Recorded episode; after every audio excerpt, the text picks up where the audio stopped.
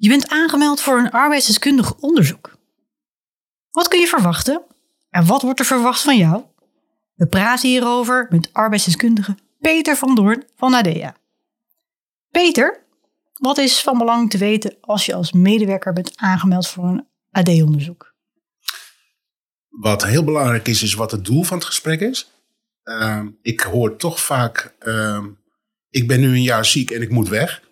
Oh, Dus in ieder geval, wat is niet de bedoeling? Dat is dat je weg moet. ja. Het is juist eh, de bedoeling om te kijken eh, wat perspectief is. En met name wat het perspectief is om terug te keren in je eigen functie. Oh ja. In alle taken of in aangepaste taken. Eh, dat is eigenlijk de hoofdmoot van het onderzoek. Ja. Daar ligt dus, dat is dus een heel ander perspectief dan ik moet weg. ja. Waar komt het vandaan de verwachting? Ehm, mensen gaan googlen Oh, en denken van, oh, u heeft een gesprek met de arbeidsdeskundige. U moet gaan reïntegreren buiten de eigen werkgever. hmm. Terwijl dat eigenlijk pas ooit een conclusie kan zijn, maar niet de inzet van het onderzoek is. in hoeveel gevallen is dat, is dat uiteindelijk wel de conclusie? Nou, toch wel 40, 50 procent Mhm. dat je zegt er zijn geen mogelijkheden in de eigen functie en ook niet bij eigen werkgever. Oké.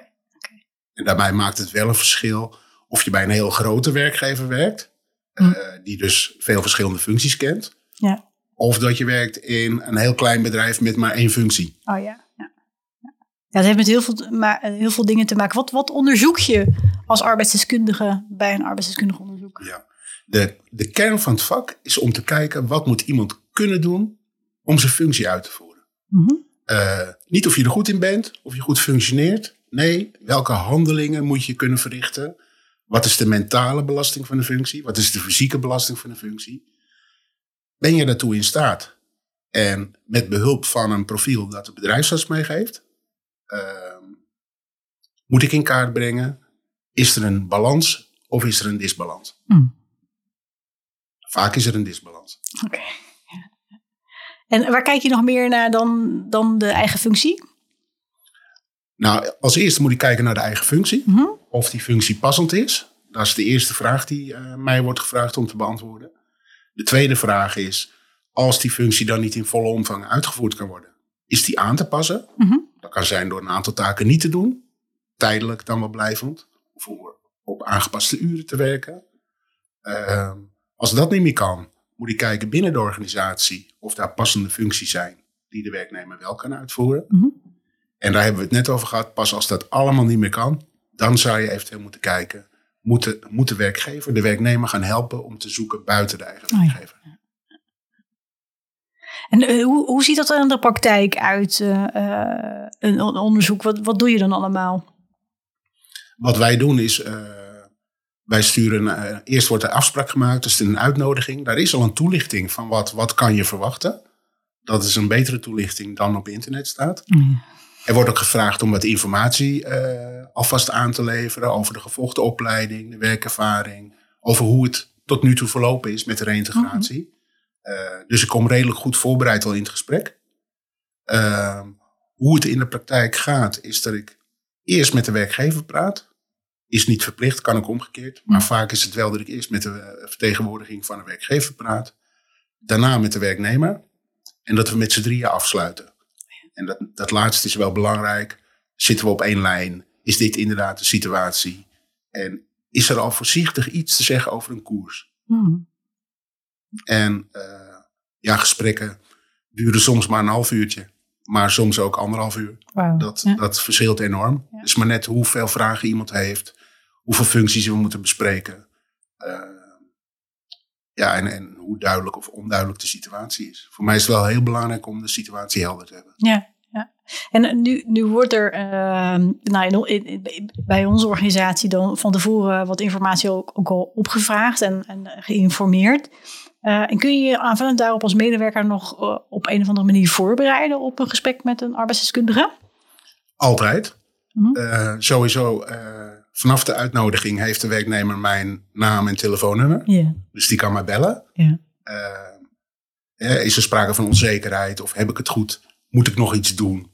Eh, nou, bel me gerust op en, en eh, we kunnen daar, daarover hebben. Eh, tijdens het gesprek is er ruim voldoende tijd ook en mogelijkheid om vragen te stellen, opmerkingen te plaatsen. En daarna hebben we nog de periode waarin de rapportage in de conceptfase bevindt. Ja. Dus achteraf kun je ook nog eh, aanvullen of aanpassingen vragen. Ja. Van, nou, dat heb ik niet zo bedoeld. Ik heb het wel gezegd, maar ik heb het anders bedoeld. De feitelijke situatie ligt anders. Eh, en op die twee punten pas ik de rapportage Ja. aan. Goed om wel te weten dat, er, eh, dat je zelf ook nog invloed hebt op, op, op het rapport. En dat het niet allemaal afhangt van hoe één gesprek geïnterpreteerd wordt op zo'n moment. Hè. Ik hoor ook wel eens mensen dat, dat mensen daar best wel een beetje zenuwachtig voor zijn. En bang zijn om dingen te vergeten of verkeerd eh, eh, uit te leggen. Eh, maar er kan ook nadien eh, in reactie op een concept, eh, rapportage, nog gereageerd worden op de inhoud. Zeker. Ja. En, en zelf merk ik ook wel eens aan het eind van het gesprek van... volgens mij is niet alles uitgesproken. Hmm. Maar is het misschien ook het moment er niet naar? Nou ja. Dat ik dan de dag erna bel. Van hoe heeft u het gesprek ervaren? Heeft u het idee dat u alles heeft kunnen Oh ja. vertellen? Ben ik iets vergeten te vragen? Bent u iets vergeten te vragen? Ja. Maar dat is dan echt, nou dat komt niet vaak voor. Maar als ik het aanvoel van hier, hier is nog iets niet goed besproken. Dan bel ik wel even na. Hmm. Ja. En eh, eh, de, de gesprekken die plaatsvinden eh, zijn dus met de werknemer, werkgever eerst apart en daarna eh, gezamenlijk. Zijn er nog andere be- betrokkenen of belanghebbenden in een arbeidsdeskundig onderzoek? Ja, ehm, ik moet het doen met de informatie eh, van de bedrijfsarts.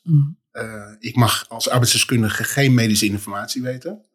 En maar er is een bepaald taaltje uitgevonden waarin de bedrijfsarts mij kan laten weten waarbij rekening gehouden moet worden in Ja, werk en ja. tijdens reïntegratie. Ja. Ehm, als daar onduidelijkheden in zitten, of als ik een terugkoppeling lees die niet helemaal overeenstemt met het profiel dat uiteindelijk is opgesteld, dan ga ik er vragen over stellen. Ik neem dat profiel ook door met de werknemer. Als die zegt van, Oh ja. dit klopt niet. Oh ja. Ik heb minder beperkingen. Of ik heb juist meer beperkingen. Ja. dan ben ik eigenlijk verplicht om dat na te vragen bij de bedrijfsarts. Ja. Dat, is, dat, is, eh, ja, dat is de gereedschapskist waar, waar ik het mee moet doen. Dan moet wel kloppen. Ja. Dus de bedrijfsarts is een belangrijke vierde partij in het, in het hele proces. Zeker. Ja. Ja. En ehm, praktisch gezien, eh, waar vindt zo'n arbeidsdeskundig onderzoek plaats? Dat kan op elke locatie waar men maar wil. Ja. Ehm, sommige werknemers kunnen niet reizen. Dus zou dat op het huisadres moeten Hm. eh, plaatsvinden. Ehm, doorgaans is het wel op de, op de werklocatie waar iemand werkt. Dat is voor mij ook wel het meest prettige, want dan kan Mhm. ik zien waar iemand werkt. Ja. En als iets niet duidelijk is, kan ik vragen om naar de afdeling te gaan. Van wat, wat moet je nu precies doen? Waar is je werkplek? Zodat ik echt een, een veel beter beeld krijg. Ja.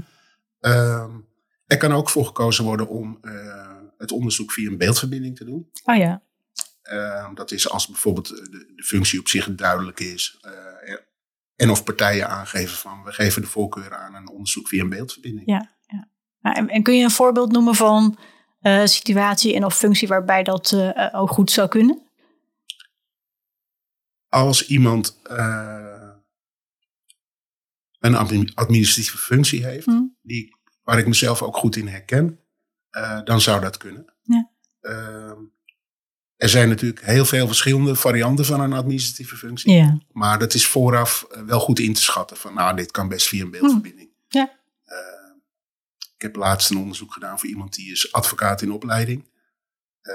Ik heb zelf bij een vergelijkbaar kantoor gewerkt. Dus oh. De belasting in de functie. Ja. eh, en met alle aspecten die er daarbij komen Ja. kijken, kon ik me heel goed voorstellen. Dus als ik het goed begrijp, hangt het ook eh, heel erg ervan af of jij een goed beeld kunt vormen van de, eh, de functie en de context en omstandigheden. Ja. Ja. Er zijn ook wel triggers waar- waarbij ik denk van... Oh. Hier moet ik echt fysiek Oh, aanwezig zijn. Omdat deze functie kent een, een, een hele grote variëteit in hoe die uitgevoerd moet worden. Dus ik wil ook gewoon de ruimte zien waarin iemand zit. Wat is een goed voorbeeld van een functie waarbij je absoluut op de werkplek moet zijn? Iemand die eh, in de linnenkamer bij een zorginstelling werkt. Oh ja. Eh, dat kan zijn eh, dat alle was wordt uitbesteed. En waar je feitelijk een soort logistiek medewerker bent. Oh, ja. Van zorg dat de kleding wel bij de juiste bewoner terugkomt. Ja. En, en dat de namen goed gelabeld zijn. En dat alles goed geadministreerd, geadministreerd is. ja. Het kan ook zijn dat je de was zelf doet. En dat het een heel grote zorginstelling is. Wat eigenlijk al een soort fabrieksmatige omgeving is. Mm. Met allerlei rook, gassen, ja. dampen, temperatuursverschillen. Oh, ja. Dat is een functie die ik zeker wil zien. Waar je dus er absoluut ook geen aannames eh, moet doen, mag doen. Sowieso nooit, a- nooit Nee. aannames doen. Maar eh, eh, zeker niet ook bij die functie. In welke gevallen eh, wordt er, of wanneer, wordt er een arbeidsdeskundig onderzoek aangevraagd door een werkgever? De meeste onderzoeken worden aangevraagd bij de overgang van het eerste naar het tweede ziektejaar. Ja. Eh, maar in, in zijn algemeenheid zou ik zeggen, eh, als er twijfel is of iemand terug kan keren in de eigen functie, dan zou je een arbeidsdeskundig onderzoek moeten uitvoeren. Ja. En dat kan na een jaar, maar dat kan soms ook al na drie maanden. Ja, dus het is als je als werknemer ziet dat een arbeidsdeskundig onderzoek eerder wordt aangevraagd. Eh, en je leest online dat het altijd na een jaar is. Dan kan het misschien zijn dat het belangrijker is om, om de vraag eerder beantwoord te zien. Ja? Ja. Je kan belangrijke tijdwinst eh, boeken Ja. eh, in reïntegratie door, door de situatie heel snel helder te hebben. ja. als, als er ook aanleiding voor is. En, en vaak is het ook met de werknemer besproken door de bedrijfsarts van de klachten die, die ik nu zie, die worden niet beter. Eh, we moeten gaan kijken naar perspectief. Ja. En dan eh, zit ik soms bij drie maanden eh, bij mensen. Mhm. Dat heeft wel de voorkeur. Ja. Ja, Dan kun je eerder een koers uitzetten die je vol kunt maken. Nou, er is langer tijd om, om een passende oplossing te zoeken. Ja. Voordat allerlei andere dingen in gang gezet worden. Zoals contact met het UWV of aanvragen van een uitkering. Als dat voorkomen kan worden, graag. Ja. Dat is in wezen, zo zie ik ook wel mijn functie, om mensen bij die poort weg te houden. Dus als zoiets gebeurt, dan eh, kun je dat eigenlijk zien als een kans om eerder eh, eh, aan, een, aan een nieuw perspectief te werken. Zeker. Ja. En ehm, ja, de werkgever heeft ook een wettelijke plicht om je daarbij te helpen. Dus je, je hebt de kans om eerder alle hulptroepen die, die er maar zijn in te zetten. Ja. Om jouw loopbaan van nieuw perspectief te voorzien. Is een arbeidsdeskundig onderzoek ook verplicht? Nee, Waarom is het dan toch belangrijk het in te zetten? Het is handig omdat een arbeidsdeskundige wel kennis heeft om die vragen te beantwoorden. Ja. En de vragen zijn, is de eigen functie nog passend? Is die passend te maken? Of moeten we kijken naar een ander perspectief? Mhm. Maar ik kan me voorstellen dat er situaties zijn waarin een werkgever de functie heel goed kent. En prima op kan schrijven waar het perspectief gezocht moet worden. Ja. Die, die, die situaties zijn er zeker. Wat vind je zelf het, het leukste aan, aan eh, het uitvoeren van arbeidsdeskundig onderzoeken? Ja, het leukste vind ik de variëteit. Dus ik zit, van, eh, ik zit bij de advocaten waar, waar we het net over hadden. Ja. Maar ik zit ook bij iemand eh, die maakt metrostations schoon. Hm. En die, die variëteit in, in wat moet je nou kunnen, wat komt voor in je functie, Hm. eh, waar liggen je kansen, ja, die verschillen enorm. En ja, probeer het maximale voor die werknemer eruit te halen. Is wel van belang dat die werknemer ook weet eh, dat hij of zij de klant is. De werkgever is mijn opdrachtgever, mag het ook allemaal betalen. Ja. Maar die werknemer is de klant. Dat is wel een belangrijke eh, eh, realisatie. Ik denk ook een hele mooie om, eh, om mee af te sluiten, ook naar de medewerkers toe. Weet dat een arbeidsdeskundig onderzoek wordt ingezet in, in, in jouw belang. Om, om perspectief te creëren in een situatie die toch al best wel vervelend is. En eh, ja, hoe eerder des te beter eh, kan er natuurlijk gewerkt worden aan, eh, aan nieuw perspectief in werk voor jou. En eh, eh, alle ruimte om, om, om je eigen verhaal eh, eh, daarin ook aan de arbeidsdeskundige over te dragen, zodat het goed wordt meegewogen. En komt het niet te sprake in het gesprek zelf, dan is er zeker nog alle ruimte om achteraf nog eh, eh, eh, eh, aan te vullen. Ehm, is een arbeidsdeskundig onderzoek spannend? Nou ja, sommige mensen kunnen zich daar een beetje zenuwachtig voor maken, maar eigenlijk ehm, zie er vooral naar uit. Want er gaat iemand met jou meedenken over, eh, over je toekomst in werk. Eh, daarmee zou ik heel graag willen eh, afsluiten. Ehm, ehm, heb je nou nog, nog vragen over het arbeidsdeskundig onderzoek dat voor jou is ingepland? Weet ons te vinden op, op de algemene telefoonnummers van ADEA. En, eh, ehm, ja, of kijk even op onze website. En ik wil jou heel graag bedanken voor dit mooie gesprek, Peter. Graag gedaan. En graag tot de volgende podcast.